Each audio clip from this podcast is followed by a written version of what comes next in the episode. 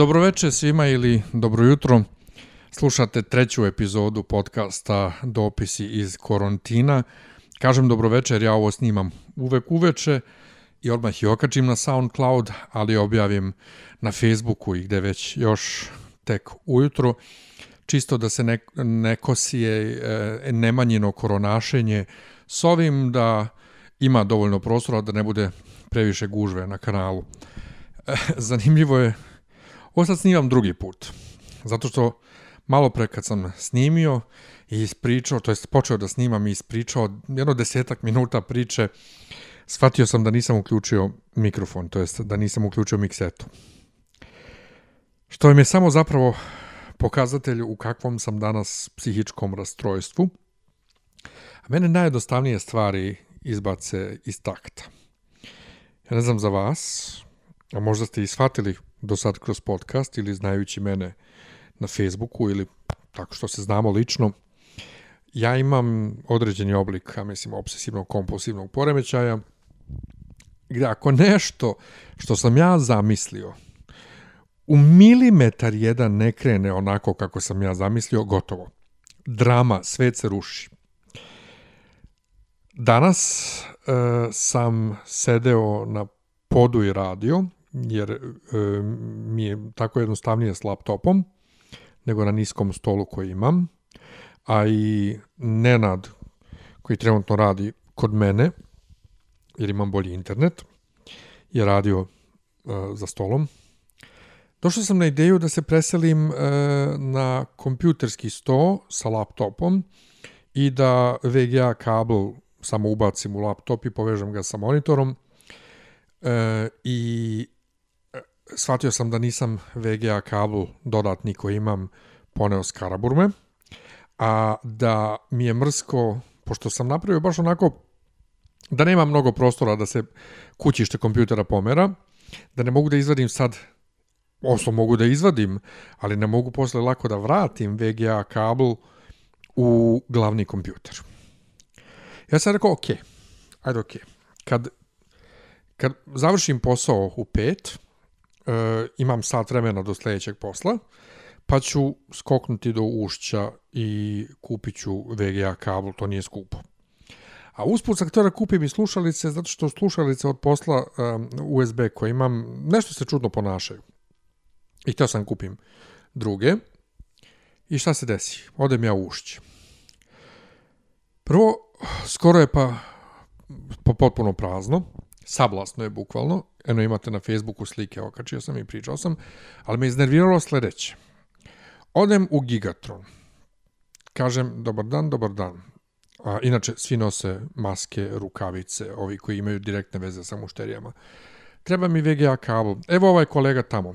A taj kolega tamo priča sa nekom ženom o laptopovima, to je ona hoće da kupi laptop, ali ona priča i priča i priča. Znate, ja hoću ovakav laptop ovdje da mi bude dovoljno jak, ja imam milion prozora otvorenih odjednom, bla. Smorim se ja jer je bilo već 5.20, 5.30, tako nešto, a M ušće radi do 6, M ja od 6 radim drugi posao. A treba i da odem do ideje, dole u supermarket, da kupim mleko, brašno, ne znam šta još trebalo. Popizdim ja i odem u Comtrade koji je odmah pored. I čekam, i čekam, i čekam, i čekam. Ja znate kako u tim kompjuterskim prodavnicama su ljudi na kasama nešto spori. Dok oni popune ovo, dok udare pečat to, dok ono, ne znam, uvek su bili spori. I nemaju VGA kabel na kraju.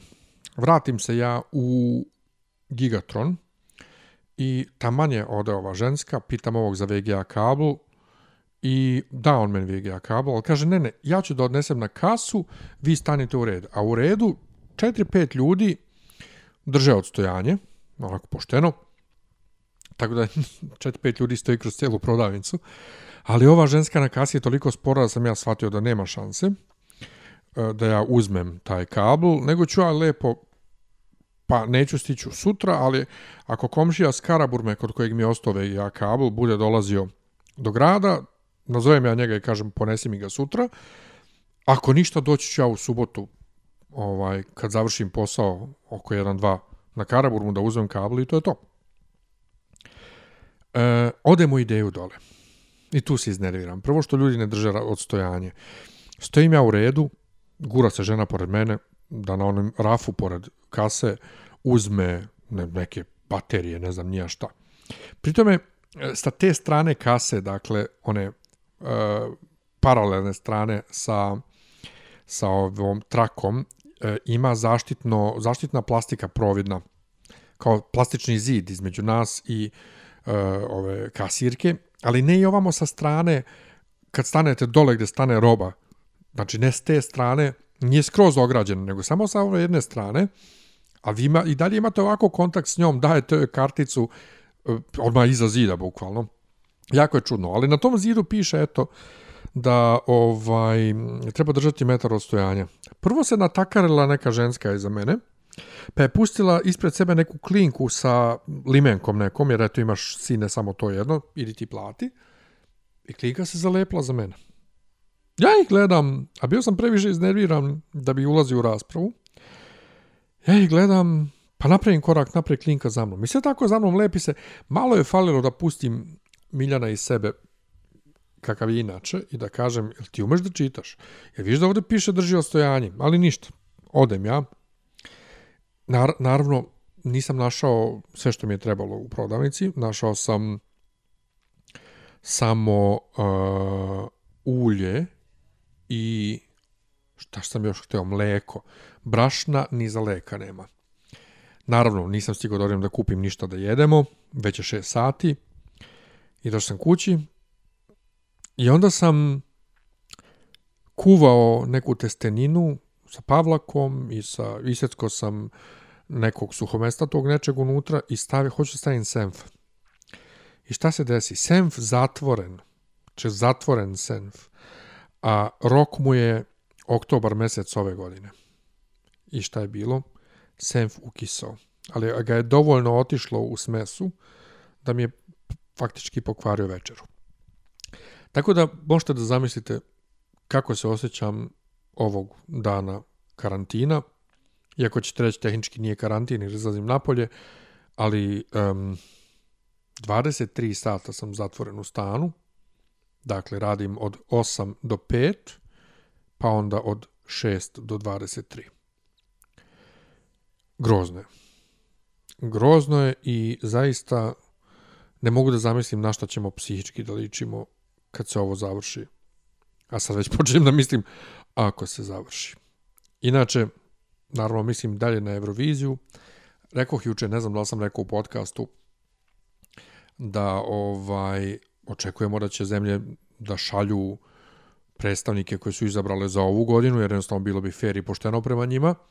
Kao što je Rusija, iako ja nisam očekivao da će stvarno da održi svoju reč, 2018. poslala onu ženu u kolicima koju su hteli 2017. da šalju u Ukrajinu, pa Ukrajina nije dala da ona uđe. Međutim, Litvanci, odnosno, ajmo ovako, Španija je odmah sat vremena nakon objave vesti da neće biti Eurovizije, potvrdila da će pevač izabran za ovu godinu ići sledeće godine. A Litvanci, znate kako su oni prgavi u košarci, izgleda da ovome nisu manje prgavi. Naime, Litvanija sledeće godine organizuje takmičenje, kao i ove godine, i pobednik tog takmičenja ide na Euroviziju. Pevač koji je izabran za ovu godinu može da se takmiči ponovo. I to je to. I mislim da je to malo sranje. Sranje je isto, ako se pitate zašto nema maski kod nas, sad ću da budem onako malo teoretičar zavere, ne samo što su kinezi krivi što imamo uopšte virus. I sad nemojte ovo da shvatite uopšte ništa kao rasizam ovo ono, ali mislim jasno je. U Kini na njihovim onim e, pijacama, e, vlažnim ili kak se već zovu pijace, tu životinje imaju u sebi milione virusa jer tamo imate razne divlje životinje i šišmiše koje jedu i sve. Upravo od šišmiša je došla i ova bolest kao što je došla i ona prethodna SARS bolest pre koliko već godina.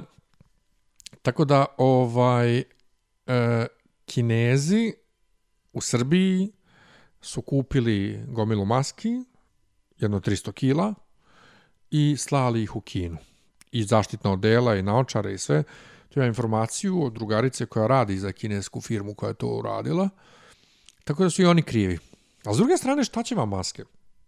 Dakle, e, da li, zašto ljudi, kako ljudi ne znaju čemu maske? Ja, mislim, prvo mi smo se smejali kinezima što kad je loš vazduh kod njih nose maske. Mi ismevamo kineza, ha, ha, vidi, hodaju s maskama okolo, ha, ha, jel se jebu s maskama i slično. I onda, ovaj, e, samo zato što je neko negde čuo, isto kao ono za toalet papir, što je neko čuo, odjednom ovaj, trče svi i kupuju maske. Te maske ne služe da vas zaštite. Te maske služe da štite druge od vas, od vaše pljuvačke, od, od vaših ovaj, čega već. I u hirurgiji se koriste da ako hirurg otvori pacijenta, da njegova pljuvačka ili nešto ovaj sekreti ne upadnu u samog pacijenta. Dakle, maske vam nisu zaštita od virusa. Te hiruške maske, naravno, postoje one skuplje i drugačije one maske koje se ja ni ne razumem, koje mogu da vas zaštite, ali njih svakako, na njih nije ni bila ova tolika uh, jagma, pa iako ih ima verovatno u opticaju manje, oni koji su znali za njih kupili su ih i to je to. Ali ono što je meni danas zanimljivo bilo, a vezano je za Kineze, jeste da je kineska kompanija koja je bila vlasnik aplikacije Grindr morala da proda Grindr američkoj kompaniji. Grindr nije kineska aplikacija po sebi. Kinezi su je otkupili. Ali sama ideja da su Kinezi bili vlasnici Grindera, tako nije, to tako nije kineski. I, ali možemo da zbijemo šale da je Grindr sranje zato što je kineski. Um, jer iako je Grindr najpopularnija dating aplikacija među pederima, za one koji ne znaju šta je Grindr, Grindr je dating aplikacija koja vam pokazuje ljude koji imaju tu aplikaciju u, u odnosu na to koliko su daleko od vas. A zašto kažem da je sranje? Pa Ako imaš aplikaciju koja je bazirana na lokaciji, na tome koliko je ko udaljen, besmisleno je kriti od drugih svoju udaljenost ili dati mogućnost korisniku da ima profil bez ikakvih podataka. Dakle, ovde kod nas u Srbiji imaju mnogi grinder, on vama pokazuje uh, njih po lokaciji koliko su daleko, odnosno tako svrstava korisnike koje vidite jedne za drugima u odnosu na njihovu razdaljinu od vas. Ali mnogi kriju tačnu razdaljinu od vas i mnogi imaju profile u kojima nema slike, nema, nemaju nikakav nickname, nemaju godine, nemaju nikakve podatke. I to na drugim aplikacijama nije moguće. Dakle, čemu uopšte onda tako, čemu uopšte aplika, čemu uopšte imaš profil kad ništa se ne vidi od tebe.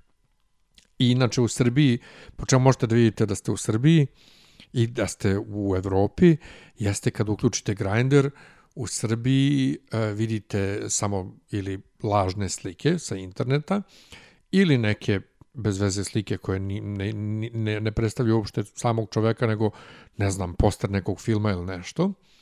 Ili slike grudi, torzo. Dakle, sve sami torzoji, ili kako već ide množina od torzo. A čim dođete do Evrope, onda se Grindr pretvori u galeriju faca. Dakle, mnogi pokazuju lice. Mada, ruku na srce, posljednjih godina se to i u Srbiji dosta popravilo. Tako da je kineska kompanija koja je bila vlasnik Grindera bila primorana da proda isti Amerikancima, zato što Amerikanci u svom trenutnom pohodu protiv e, Kineza smatraju da je to opasnost za nacionalnu bezbednost, da Kinezi imaju tolike silne slike američkih genitalija kojima će moći da ucenjuju uzere i Kinezi su morali da prodaju uh, taj uh, grinder. Malo prepomenuh ljude koji ne znaju da drže odstojanje, juče sam ih hvalio. Podsjetio me Nemanja uh, na to kako ljudi u Beogradu umeju da budu um, nesolidarni, kako umeju da te zajebu. I sad, naravno, nije to samo u Beogradu, verujem. I ne želim da ja sad budem kao nešto protiv Beograda i Beograđana, jer ti ljudi koji ljude zavrću u Beogradu nemaju veze s Beogradom. Ali je rekao kako ima jedno loše iskustvo kada je e, dolazio ovde da polaže prijemni za fakultet ili da preda dokumenta. Ja sam se istog trenutka setio priče koje sam potpuno zaboravio, a to je kako kad sam ja dolazio na prijemni ovde, je mene zajebo čovek, to je bilo rano ujutro na autobuskoj stanici, čekao sam autobus za Doboj, dakle u Bosnu sam išao, u manastir, e, i e, prišao mi je čovek, seo pored mene sa plavima, u plavom mantilu i rekao da li putujem za Doboj, uh, to jest, ne znam da li baš tako pitao, pitao je kuda putujem, ja sam rekao, za doboj, e, ja sam vozač tog autobusa, znaš, treba mi dinara, nemam dinara, imam samo marke. I onda je nešto bila fora da je on tražio meni da mu ja dam dinare, toliko i toliko, on će meni dati toliko i toliko maraka, pa će mi posle u autobusu dati ostatak. A razlika nije bila zanemarljiva. Naravno, Ja sam dao pare čoveku, uzao tih njegovih nešto malo maraka i on je nestao.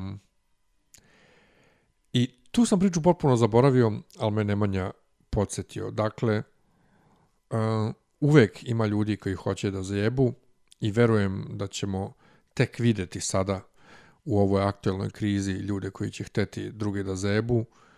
Pojenta je samo, ajde, ajde da im ne damo.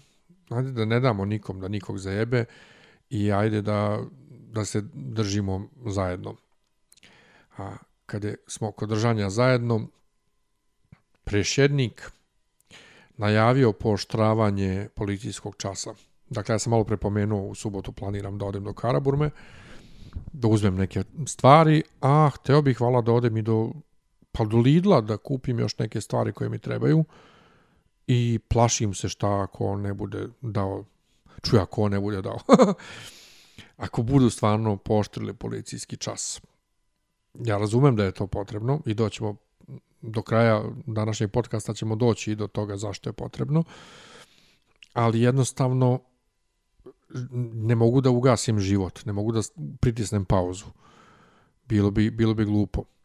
Kao što mnogi kažu, glupo aplaudiranje lekarima uveče da je pomodarstvo, da je ovo, da je ono.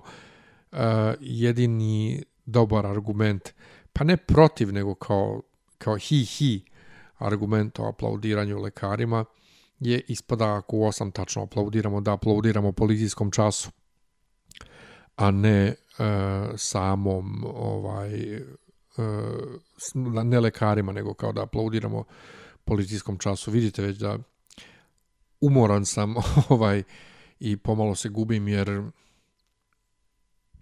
pa plašim se plašim se, to sam rekao već juče, šta, na, šta nas čeka posle ovoga? E, sve gore i gore u Italiji je, u Italiji je samo danas bilo, sad ću vam reći tačno koliko uh, novih slučajeva i koliko smrti oni će bukvalno sutra, ja mislim, da prestignu u Kinu uh, po ovaj um, pa i po smrtnim slučajevima i po, po, po broju uh, zaraženih po danu.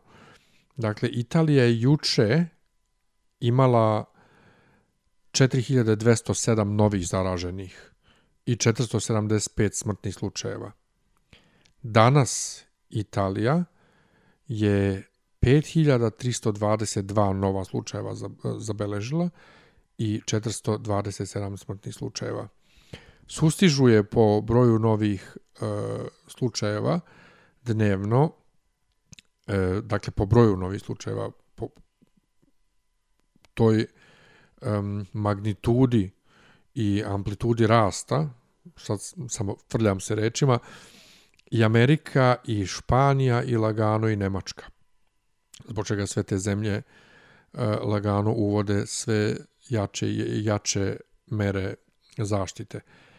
Tako da čovjek kad ovo gleda i kad vidi količinu ljudi koji dalje negiraju šta se dešava, naravno da se plašim.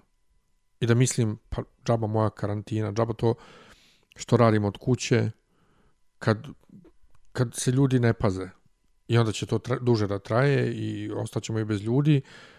Ostaće ljudi bez poslova. Ja znam ljude koji u Bosni već moraju da otpuštaju ljude, verovatno sam i to već juče pominjao. Ali na šta će ličiti ekonomija posle ovog, ostaje da vidimo. A sad, žao mi je što ova epizoda ovoliko ovaj, u suštini mračna. Nije mi bila namera, ali takav je dan. Biće bolje. E, nemam šta da vam preporučim da čitate i gledate, već sam preporučio. Naravno, vi pobožniji, uzmite, čitajte, čitajte dnevnik Aleksandra Šmemana. Ja imam ovde u spavaćoj sobi spremnu zbirku priča, izdao je Bernard Čehov, arhijerej i druge hrišćanske priče. Čitajte, ako možete da nabavite od Winstona Gruma Forrest Gump knjigu. Znači ne film, knjigu Forrest Gump, ona je jako zabavna i e, može, da, može da, da, da podigne čoveka. Ali i dalje nekako te, težim više ovim pričama poput jučerašnjeg, juče pomenutog pomračenja. Ali evo vam jedna prosta računica za kraj zašto je bitno da se izolujemo jedni od drugih. Kaže ovako, Srbija ima približno 7 miliona stanovnika. Približno 55% će oboleti ako se ne suzbije zaraza zabranom kretanja. To oko 55 od 100 je 3 miliona 860 hiljada stanovnika. Od tih 3 miliona 860 hiljada stanovnika, 80% će biti lakši slučajevi, a 20% zahteva bolničko lečenje. Od tih 20%, a to je negde oko 770.000, 6% će zahtevati intenzivnu negu, odnosno respiratore. Od e, 3 do 4 nedelje će im to biti potrebno. Tih 6% od onih 20% je oko 40.000 stanovnika. Dakle, ako se ne suzbije kretanje, odnosno ako se ne suzbije za, zaraza zabranom kretanja, bit će oko 40.000 ljudi sa prekom potrebom da im budu na respiratorima 3 do 4 nedelje. Broj respiratora koje Srbija ima za tih 40.000 ljudi je 1008. 1008 respiratora na 40.000 stanovnika kojima bi u tom slučaju bila potrebna intenzivna nega. Pa vi vidite, idite, pravite žurke i ljubite se i grlite po tržnim centrima. Čujemo se sutra. Ćao.